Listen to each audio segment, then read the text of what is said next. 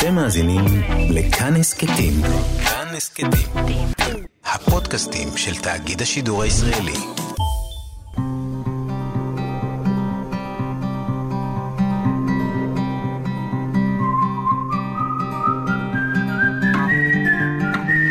אחת פלוס חמש.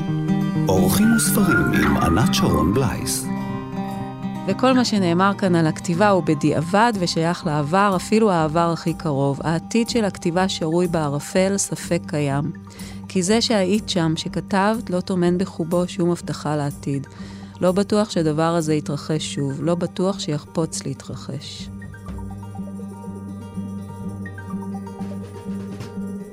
שלום לכם, מאזינות ומאזיני כאן תרבות, אורחת באולפן עם חמשת הספרים האהובים עליה, והיום אנחנו מתחילות עם קנאה.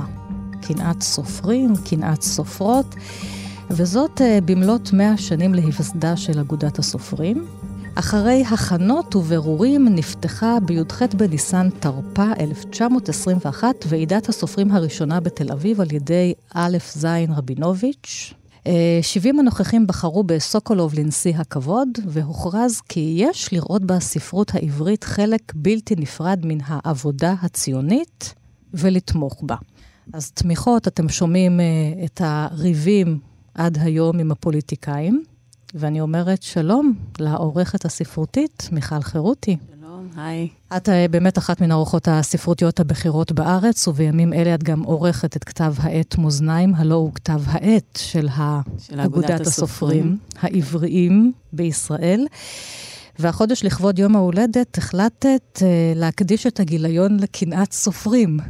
אז uh, תספרי לי על החגיגה המוזרה הזאת. למה יום הולדת וקנאת סופרים? האמת היא שהרעיון של קנאת סופרים עלה עוד קודם, ואז, ואז uh, הבנתי שזה הולך להיות גם גיליון של 100 שנים להיווסדותה של האגודה.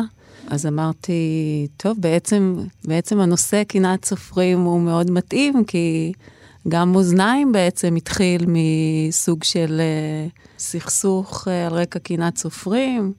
היה שם את, אה, את ביאליק מהוותיקים, ושלונסקי כן. וחבורתו מה, צעירים. מהחדשים, הצעירים, המודרניסטים. אה, הם רצו לפרסם את עצמם, את הדברים החדשים. רצו לפרסם את עצמם ואת הדברים החדשים, ומה שמתרחש בארץ, הספרות החיה, ש... ו, וביאליק רצה, אה, רצה לכנס את כל הכתבים של... יהדות של... הגולה, כן, כן, כמו ספר האגדה, והתחיל לריב. מה נכון, יותר חשוב, מה צו השעה. ו... ובסופו של דבר הם, אה, הם נפרדו, ואחר כך התאחדו שוב במאזניים, שהייתה שם איזושהי פשרה. עמוד ישן, עמוד חדש. כן, משהו, משהו כזה. כזה. כתב העת עצמו, כתב העת הוותיק, מאזניים התחיל מקנאת סופרים. וכשאת פונה לסופרים וסופרות, משוררים ומשוררות ומבקשת טקסטים שעוסקים בקנאת סופרים, מה אמרת להם? כי יש פה הרבה טקסטים חדשים באמת של מיטב הכותבים בארץ. כאן אמרתי, יאללה, צריך, צריך לדבר על הפיל בחדר.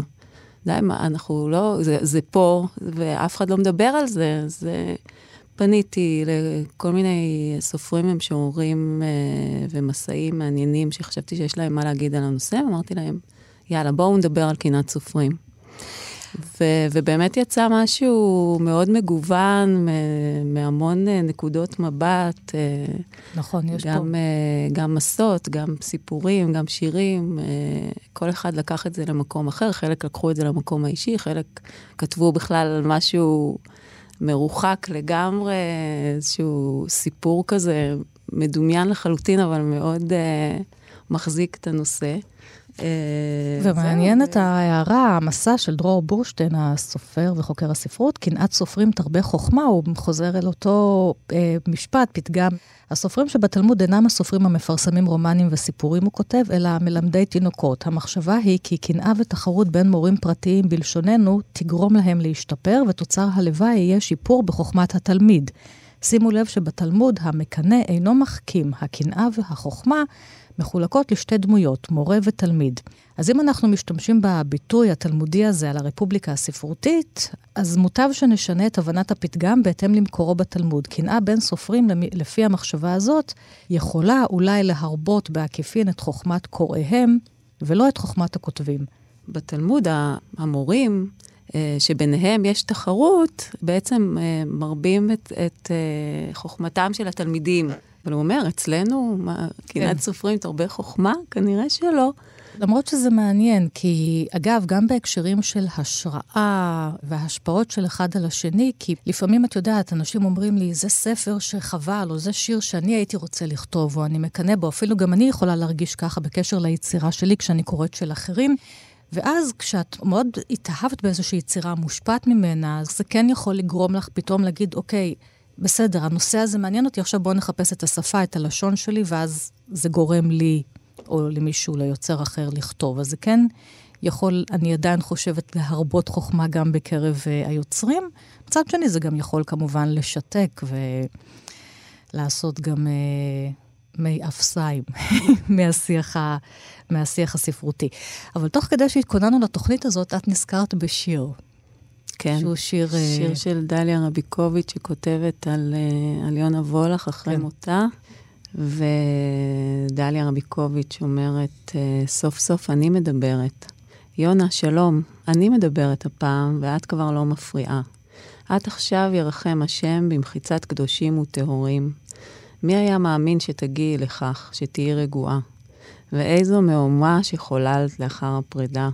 יד איש באחיו לפתע, מכים, יורקים, ותלו במקומך על הקיר רק שני רישומים בכדי להזכיר, ואמרו שאת קדושה והחבירו, ואמרו שאת טמאה ונאנחו, ואמרו קדוש, קדוש, שרה, שרה, והרבה שיניים חדות תלשו נתחים מן הגבייה, וזה סימן שבפעם הזאת היית מתה ולא חיה.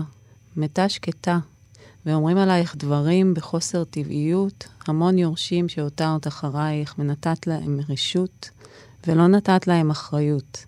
ובכל פעם שנוקבים בשמך, ישנה שערורייה, מעשה שהיה ומעשה שלא היה. היית אוהבת את זה אילו היית מביטה, אבל את, יונה, במצב חדש עכשיו. את בחורה מתה, ואת נמוגה וקרבה, משתנה ופושטת צורה. סוף סוף את נטולת צבע, ממש לבנה. אצילות לא רצונית נפרסת ממך. לפתע יש לך נימוסים ויש לך עכבות. Mm. ילדה טובה מבית טוב אינה פוצה את פיה עוד. הגה לא מוציאה. יונה, מכל תעתועייך והליכותייך המוזרות, ותחפושות הענק וההצגה שרצה כל הזמן, היה לך מוות יפה ואנושי וגופני ומעודן. נהדר. כמה דק הקו הזה, הגבול הזה בין קנאה ושנאה ואהבה, כי כשאני קוראת ואני מקשיבה לך, זה גם אחרי כל הקנאה והתחרות, זה גם שיר אהבה כל נכון. כך גדול. מיכל, את כעורכת ספרותית, היום במאזניים, אבל גם ערכת אין ספור ספרים. Uh, התחלת את העבודה שלך בספרייה החדשה לצד מנחם פרי, בוודאי ההוצאה החשובה ביותר. את צריכה לדחות כתבי יד של אנשים. ואז הם יכולים לראות שהחברים שלהם כן הוציאו אצלך או דרכך ספרים. אז את גם גורמת לקנאת סופרים. כן, וזאת עמדה נורא נורא קשה. תספרי לי היום קצת. יותר מתמיד, כי את יודעת, כשעבדתי בהוצאות הספרים, הייתי בעבר אה, עורכת ספרות המקור של מודן, והקמתי ספריית מקור במטר, ובידיעות עבדתי בתור עורכת מקור. אה, והמערכת היא זו שמקבלת או דוחה. כן. יש כבר המערכת. המערכת שולחת מכתבי דחייה. וכאן זה כל כך, אה, בכתב עת, זה... זה זאת את. כל כך הרבה וזה כל כך דחוס, שאת מרגישה ממש את הקנאת סופרים הזאת באוויר. אני אומר גם כאן, ואני אומרת את זה, אני מרשה לעצמי לומר שבאמת זו כתב עת שאת uh, מכבדת את המילה הכתובה, ולא כל טקסט שנשלח אלייך uh, לא, מגיע לא, לפרסום, לא. כי זה, אנחנו רואים את זה בכתבי עת אחרים, גם בכתבי עת אינטרנטיים. את מקפידה פה על האיכות הספרותית. אני שמחה שאת מבחינה בזה, גם, זה נורא uh, מאוד מאוד מאוד חשוב לי. ומכאן גם כן ואני, הקנאה. נכון. כן, וזה גורם ל... לכל מיני יצרים אה, וקנאות. ו... מייל יצרי כזה, שאת רוצה לצטט בעילום שם? קיבלתי כל מיני, כל מיני דברים, גם, ב, גם בעקיפין וגם דברים ישירים. כל מיני דברים שבאמת אה, הפתיעו אותי ב... בעוצמות של, ה, של הכעס והעלבון. וה... תשתפי אותנו במשהו, בעילום שם כמובן. מישהו משהו. כתב לי ש, שהוא לא, שהוא הולך מעתה להחרים את, אה, את כתב העת מאזניים, ו... אוקיי, בסדר. ש... שהוא לא הולך לפתוח יותר את כתב העת הזה. טוב, מיכל חירותית הרבה חוכמה.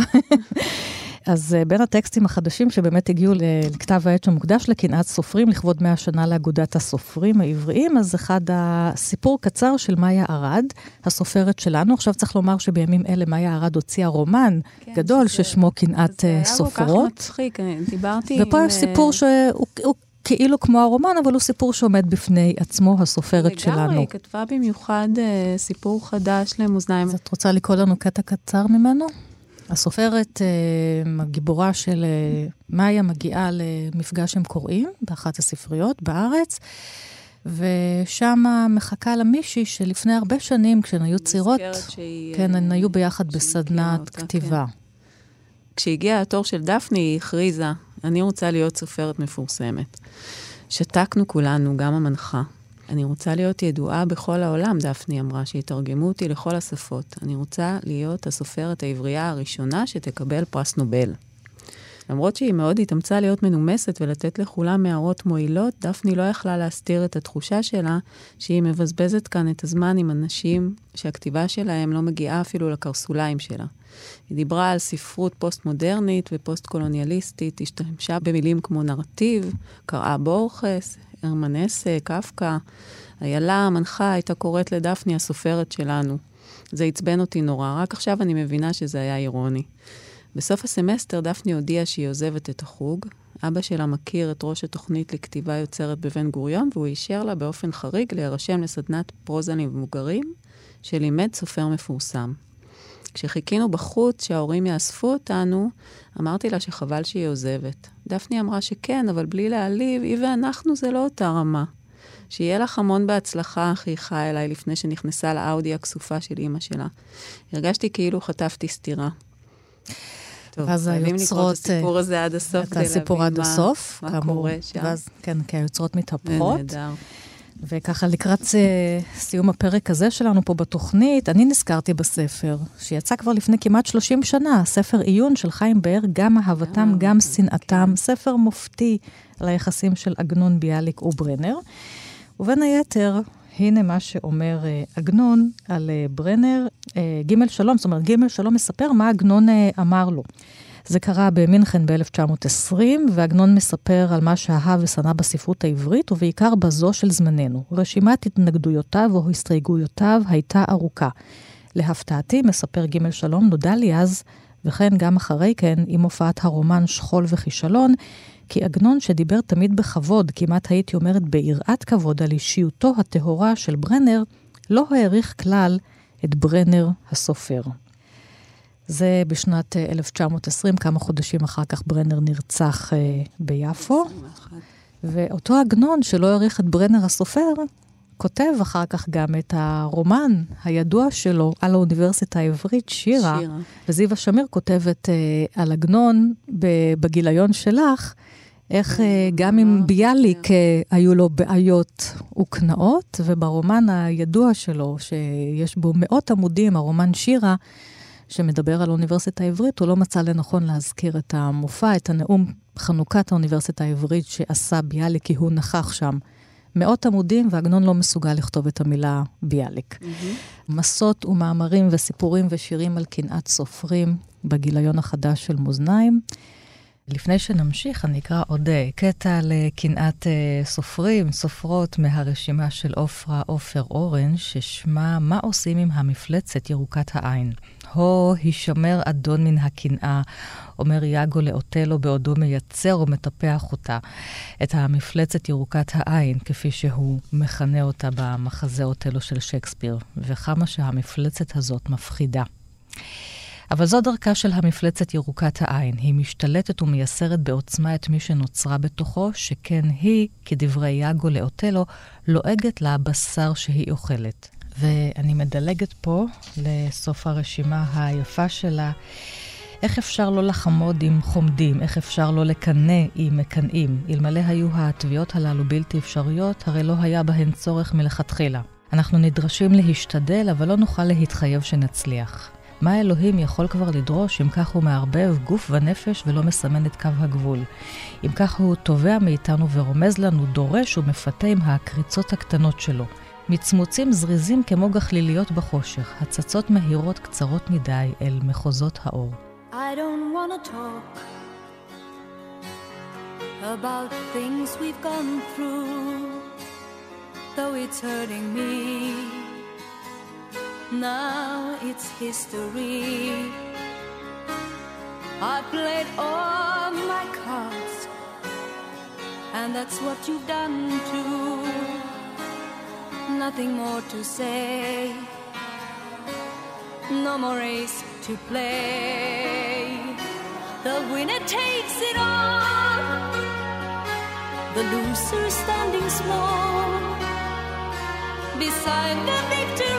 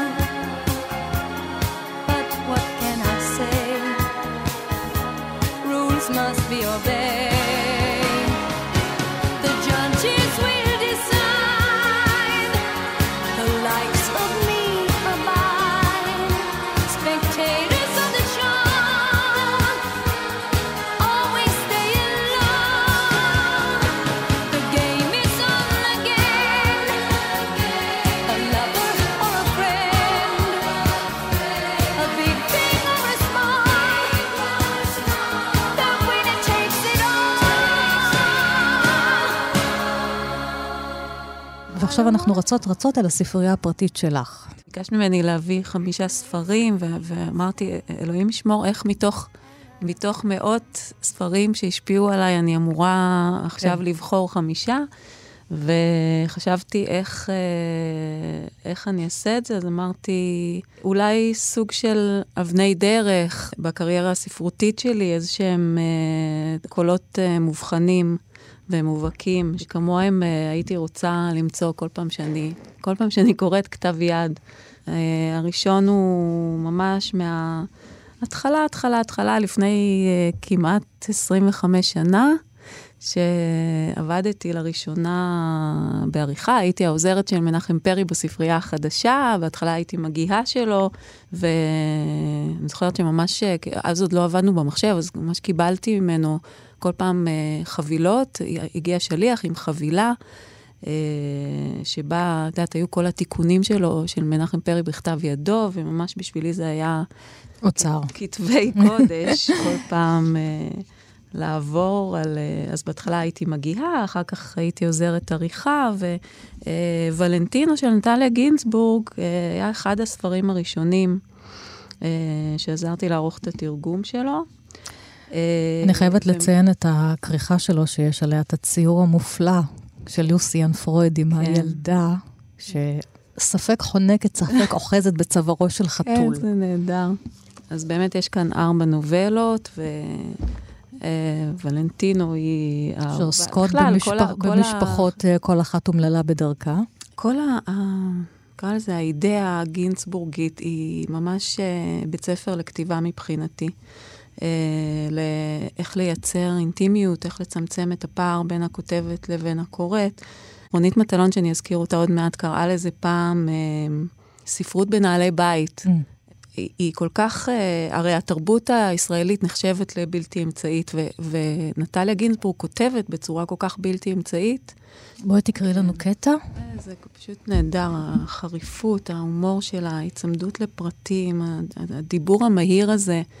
אה, אגב, גינצבורג פעם אה, אמרה על זה באחת המסות שלה, שהיא כותבת מהר כמו באיזו בהילות, כי כשהיא הייתה קטנה תמיד השתיקו אותה ליד השולחן, ליד האחים שלה, והיא עד היום ככה כאילו כותבת בבהילות. אחי למד רפואה, ותמיד היינו זקוקים לכסף. פעם למיקרוסקופ, פעם לספרים ולשכר לימוד. אבי האמין שהוא יעשה אדם גדול. אולי לא הייתה סיבה להאמין, אבל הוא האמין.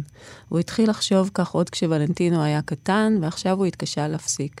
אבי ישב כל היום במטבח וקשקש לעצמו. דמיין איך ולנטינו יהיה רופא מפורסם, וייסע לקונגרסים בביר... בבירות הגדולות של אירופה, ויגלה תרופות ומחלות חדשות, אבל נראה שלוולנטינו לא היה רצון להיעשות אדם גדול. בבית הוא שיחק רוב הזמן עם החתלתול, והכין צעצועים לילדים של השוערת, ממעט נסורת ומשאריות בד ישנות. הכין כלבים וחתולים, וגם שדים בעלי ראשים גדולים, וגופים מוערכים וגבשושיים, או שהתלבש כגולש סקי והתבונן במראה. לגלוש לא הרבה לצאת, כי היה עצלן וסבל מהקור, אבל הוא הכריח את אמי לתפור לו חליפת סקי שחורה לגמרי עם כובע גרב מצמר לבן. חשב שהבגד הזה מאוד הולם אותו, וטייל מול המראה, תחילה עם צעיף זרוק סביב הצוואר, ואחר כך בלעדיו, ונעמד במרפסת כדי שהילדים של השוערת יראו אותו.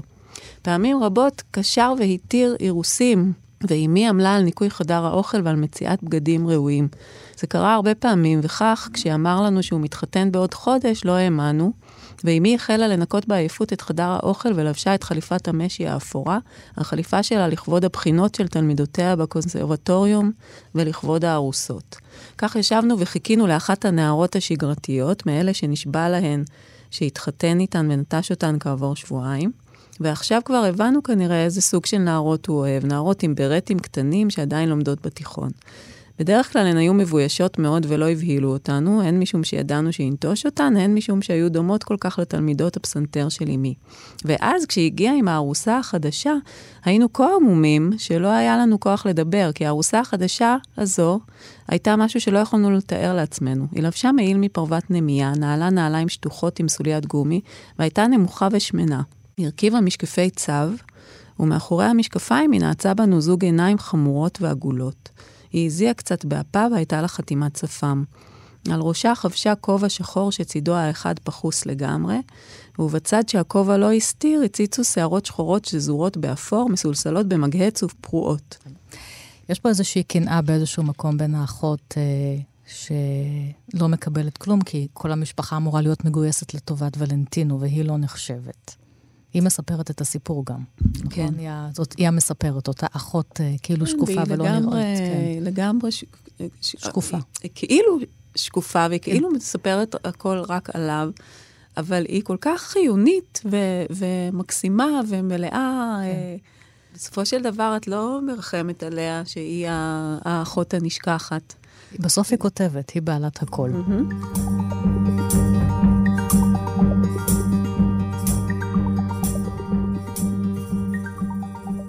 וממנה אנחנו, מאיטליה אנחנו עוברים לברזיל, לעוד סופרת ממוצא יהודי.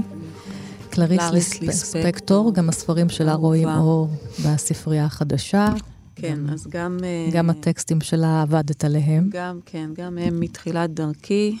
את פה עם שני ספרים, אושר סמוי. כן, אז לא, אני אקרא מאושר סמוי, אבל אני רוצה לקרוא משפט אחד משעת הכוכב, בדרך כלל היא כותבת סיפורים קצרים, אבל שעת הכוכב הוא, הוא בעצם נובלה, ויש פה משפט אחד שהוא ממש אה, נר לרגליי בעריכה, שאיש לא יטעה, אני משיג את הפשטות אך ורק בעמל רב. אני בעד הכתיבה הפשוטה. כשאנחנו מדברים על פשוטה, זאת לא פשטנית כמובן. לא, לא, הפוך. פשוט בלי להתחכם. כן, בלי להתחכם ובלי, ובלי האומץ יתר הזה של.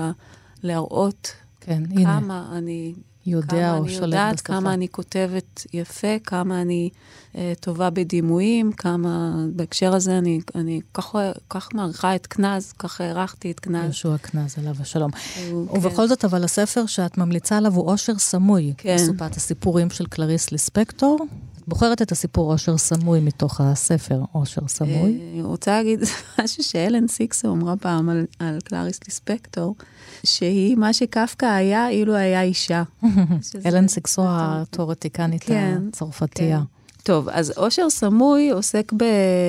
ילדה אחת היא זוללת ממתקים, וילדה אחת זוללת ספרים.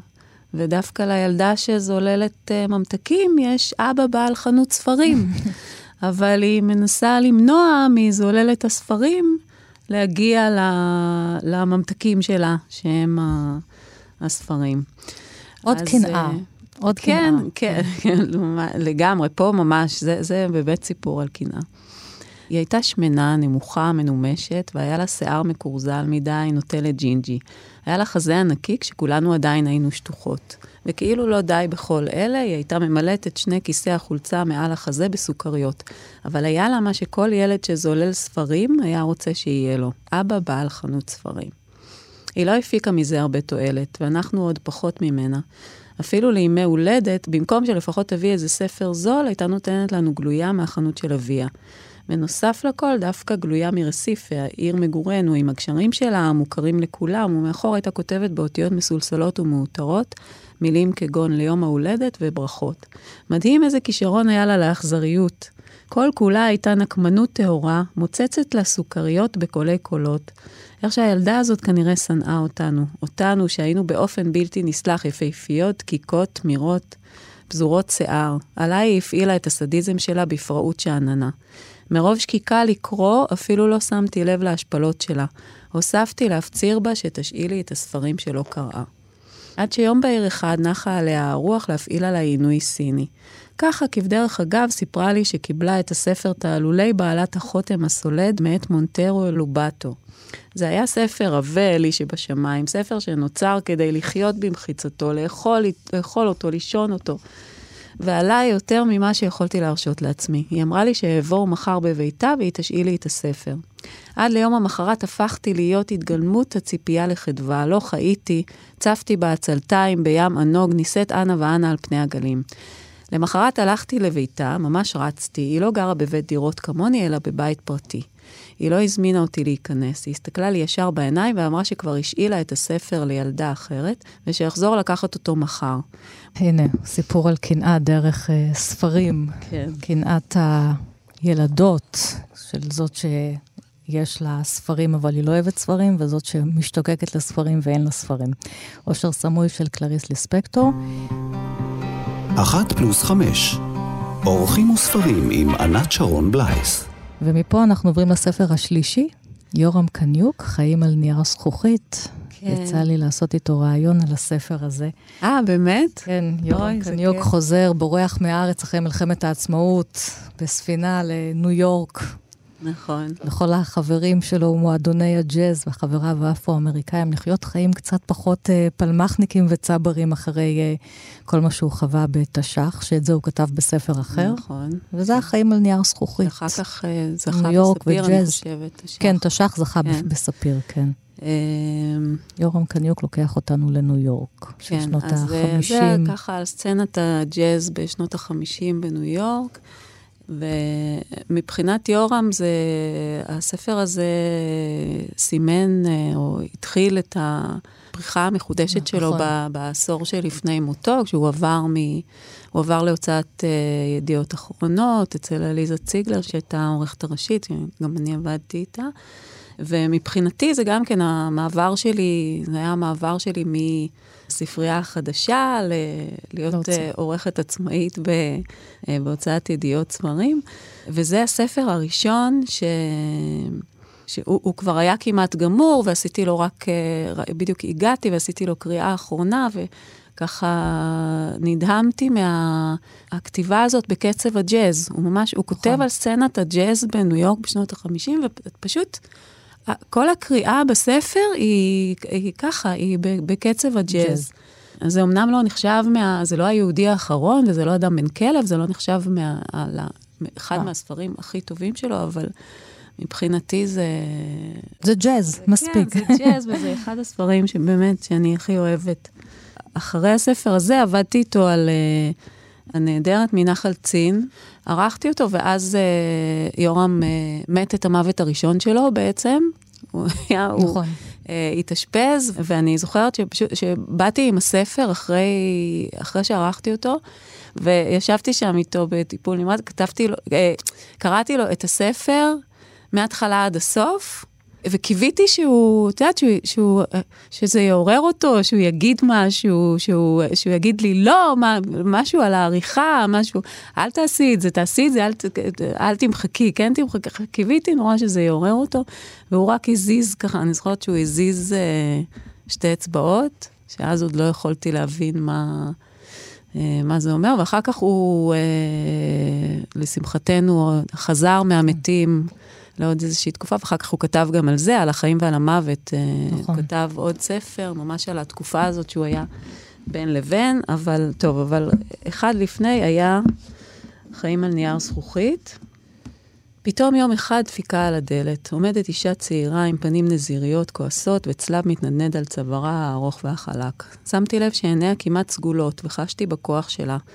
המסכן, אך בה בעת גם מסוכן. היא לא אמרה, אלא ירתה את שמה, פרנסיס מרי הייגן.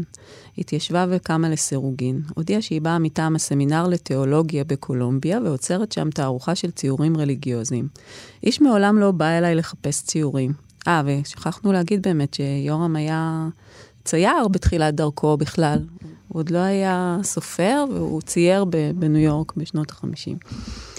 אה, איש מעולם לא בא אליי לחפש ציורים, בטח לא ציורים רליגיוזיים. אמרתי לה שאני לא בדיוק צייר רליגיוזי, והיא אמרה שאמרו לה שאני כן, ושאלתי מי, והיא לא רצתה לומר. זה גם כן כל כך מצחיק, כי הוא בדיוק, אה, תמיד היה בדיוק ההפך מרליגיוזי. אולי היה זה אחד הרקדנים המודרניים שציירתי אצל אנה סוקולוב, שרקדו יחפים ועשו תנועות של טרזנים. היא ביקשה לראות ציורים, כמעט דרשה. התמסרתי לה בקלות ושמתי לב שהגוף שלה קפדני והיא נראתה יותר כדגם של אישה מאשר אישה. היא הביטה בציורים שסחבתי מאחורי הארון וביקשה לראות שוב את הציור של הרקדנית וצהלה, אך ללא שמחה בצהלתה. ואמרה, אה, ah, הנה, אם זה לא דוד המרקד בפני אדוני, דוד, דוד לא היה רוקד. שאלתי מתי רקד דוד, ואמרה, כאשר הביא את הארון מן הפלישתים, ומיכל בת שאול בזה לו. ואז נראתה כמעט שמחה. רציתי לתקן, אך אמרתי בליבי, היא רוצה דוד, שיהיה דוד, מה אכפת לי? הציעה לשלם לי והסכמתי בטובי כי רב, שכן אם זה מה שהיא רוצה, אז זה מה שיהיה. הגוף הכועס שלה היה עדיין דחוס בתוך בגדיה כבהתרסה. הציור, אמרה בקול מעט מתחנחן, יתעלה בתערוכה, ואתה, אמרה, מקבל 200 דולר. והלכה. איבדתי בציור, חשבתי על 200 דולר, וכבר האמנתי שזה באמת דוד מרקד בפני אדוני.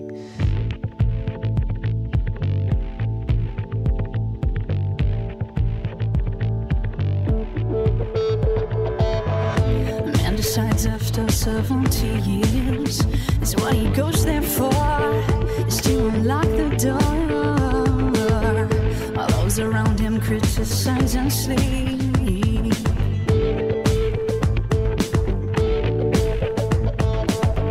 And through a fractal on a breaking wall, I see you, my friend, and touch your face again.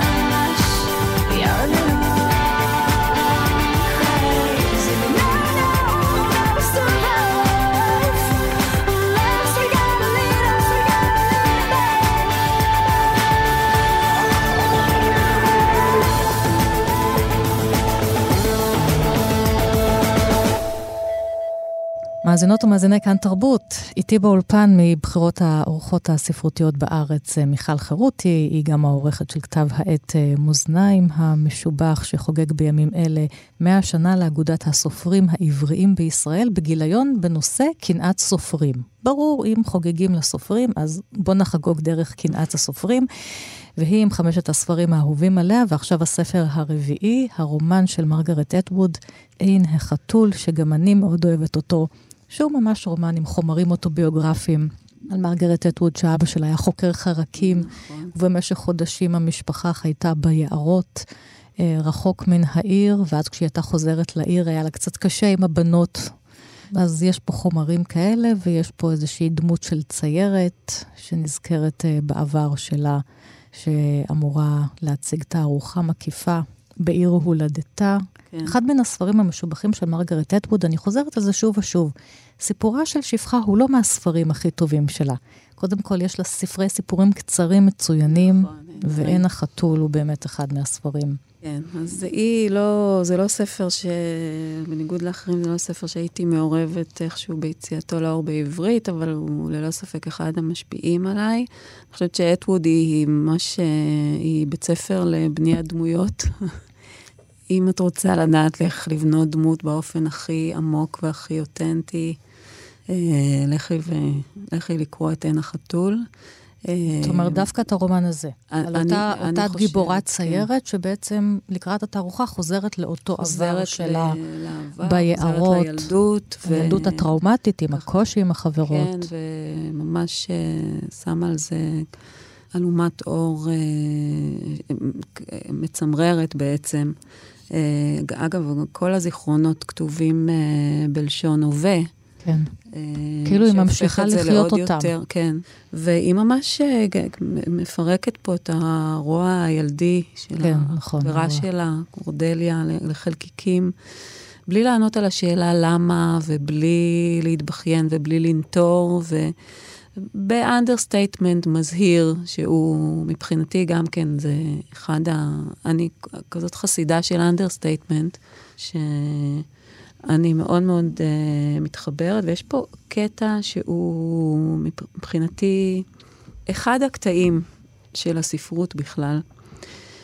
אני זוכרת שעם לידת הבנות, תחילה האחת ואז האחרת, חשבתי לעצמי שחבל שלא ילדתי בנים. חשבתי שלא אהיה מסוגלת לעמוד בבנות. לא ידעתי איך הן מתנהלות. חששתי כנראה שאשנא אותן. עם בנים הייתי יודעת מה לעשות. צד צפרדעים, דייג, אסטרטגיות מלחמה, התרוצצות בבוץ. הייתי מלמדת אותם איך להתגונן וממה. אבל עולם הבנים השתנה. סביר יותר שהם אלה שהיו מגיבים היום במבט הזה המלא תמיהה, כמו יצור לילי מסומם מאור השמש. תתמודד כמו גבר, הייתי אומרת. הייתי עומדת על קרקע לא יציבה. באשר לבנות, הבנות שלי בכל אופן, נראה שהן נולדו עם ציפוי מגונן כלשהו, עם חסינות כלשהי שחסרה לי. הן מישירות את מבטן, ומבטן מאוזן ועומד. הן יושבות אל שולחן המטבח, והאוויר סביבן מואר מצלילותן. הן שפויות, לפחות כך אני רוצה לחשוב. הן כפרתי. הן מדהימות אותי מאז ומתמיד. בילדותן הרגשתי שעליי לגונן עליהן מדברים מסוימים בי, מהפחד, מהחלקים הבעייתיים בנישואיי, מימי הכלום. לא רציתי להעביר להן דבר, שום דבר ממני שמוטב היה להן בלעדיו. בזמנים כאלה הייתי שוכבת על הרצפה בחשיכה, בווילונות מוגפים ובדלת סגורה. הייתי אומרת, יש לאימא כאב ראש. אימא עובדת. אבל נראה שהן לא נזקקו להגנה הזאת. נראה שהיו מסוגלות להתמודד עם הכל, להביט נכוחה, לקבל הכל. אמא שוכבת על הרצפה בפנים, מחר היא תהיה בסדר. שמעתי את שרה אומרת לאן, כשהיא הייתה בת עשר ואחותה בת ארבע. ולכן הייתי בסדר. האמונה הזאת, כמו האמונה בזריחה או במחזור הירח, הייתה לי למשען. זה בוודאי מסוג הדברים שמאפשרים לאלוהים להמשיך לתפקד.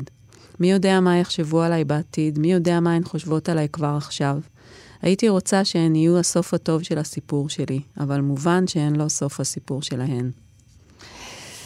מרגרט אטווד, כמה יפה. אנחנו ממשיכות, את רואה, רצית, לא רצית, בכל זאת נכנסות הקנאה, קנאת הגיבורות בספרים אה, שאת אה, בוחרת.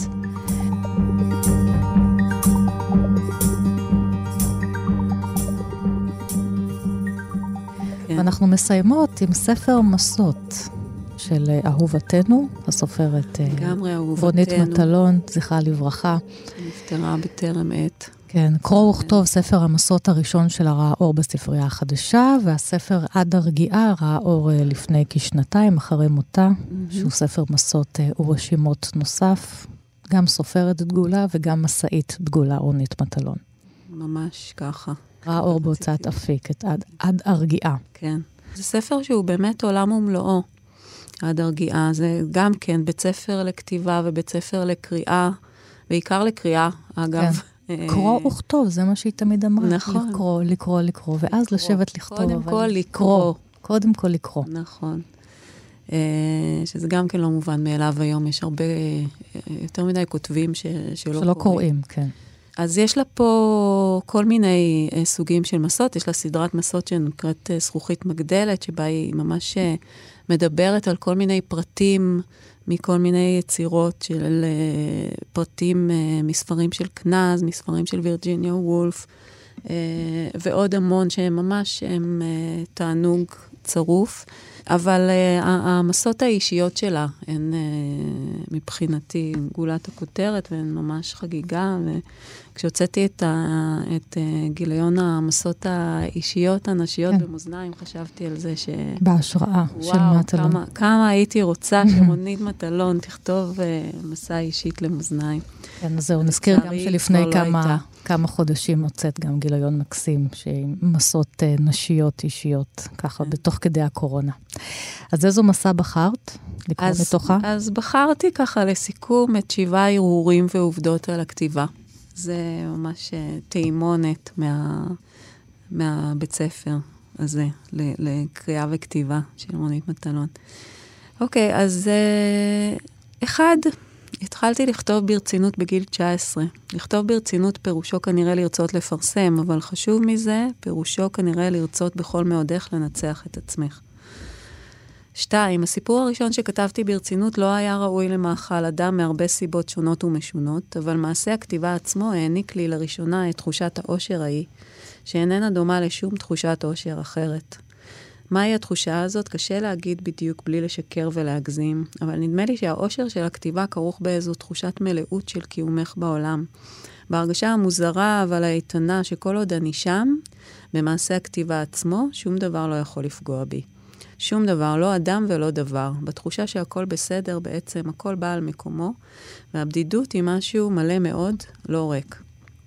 שלוש, אף פעם, נדמה לי, לא רציתי באמת לכתוב, כלומר, להיות סופרת בתור קריירה. להפך, ברחתי מהמשאלה הזאת בלי הרף. רציתי למשל להיות דיפלומטית או שחקנית תיאטרון או לוליינית בקרקס בגיל שמונה. לימים התברר שכל המשאלות המגוחכות האלה דווקא קשורות מאוד לדבר עצמו, כי אולי לכתוב משמעו להיות כל הדברים האלה. דיפלומטית, שחקנית, לוליינית על החבל המתוח מעל התהום, מועדת לנפילה בכל רגע. ארבע, בהתחלה, בראשית הכתיבה, לא היה לי לא יום ולא לילה. כל דקה ביממה רציתי להיות עם זה. העתקתי לנקי על דפים לבנים דקיקים, וחזרתי והעתקתי לנקי בנחישות עצומה ובתשוקה. משפט שהתעקם שבר את ליבי ושיגע אותי. דשתי בו שוב ושוב עד שהוצאתי לו את נשמתו. עם הזמן והשנים למדתי שהדבר החשוב בכתיבה הוא לא רק השליטה, אלא גם ההרפייה. פשוט לעזוב, לעזוב דווקא באמצע התנופה של הכתיבה, ללכת.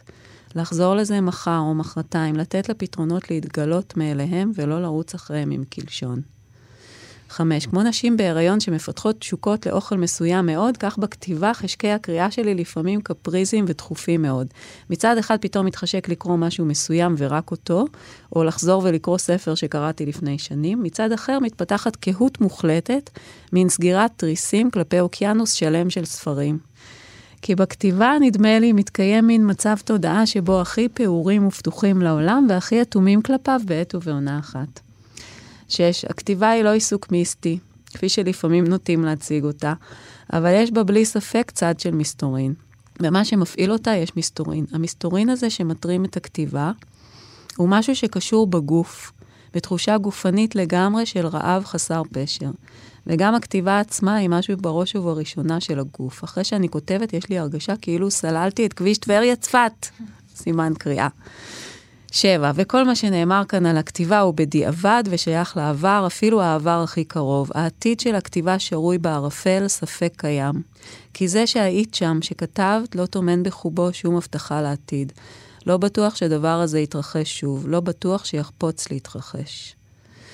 שזה משהו שכל כל כותבת בטח אה, מכירה את, ה, את הריק הזה של, ה, של לפני הספר הבא, שתמיד את חושבת שהוא, שאולי הוא לא יקרה, ואיך זה יקרה שוב. אני גם שומעת יקרה... את זה לפעמים. את יודעת, גם ככותבת, אמנם לא של ספרים, אלא של שירים, אבל זה לא מפחיד אותי כשאני לא כותבת. זה לא מפחיד אותי, כי אני יודעת, אני יודעת יש המון כותבים שזה נורא מפחיד אותם. שמשהו צריך כמו השנת חורף של הדובים, שזה בא והולך, ושאחרי זה דווקא פתאום תבוא איזושהי צורה חדשה בכתיבה שלי, ולא עוד הפעם את אותו דבר, לכתוב כדי לכתוב. תודה על הקטע המקסים הזה, המסע היפה הזאת של רונית מטלון, כל כך יפה, יפה לסיים איתה, ואולי לסגור איתנו את מקנאת הסופרים לשמחת הכתיבה. תודה לך, העורכת אה, מיכל חירותי, עורכת כתב העת מאזניים עם הגיליון החדש לכבוד 100 שנה לאגודת הסופרים העבריים. קנאת סופרים, זה נושא הגיליון לכבוד חגיגת המאה. תודה שהיית כאן עם האהבה הספרותית שלך.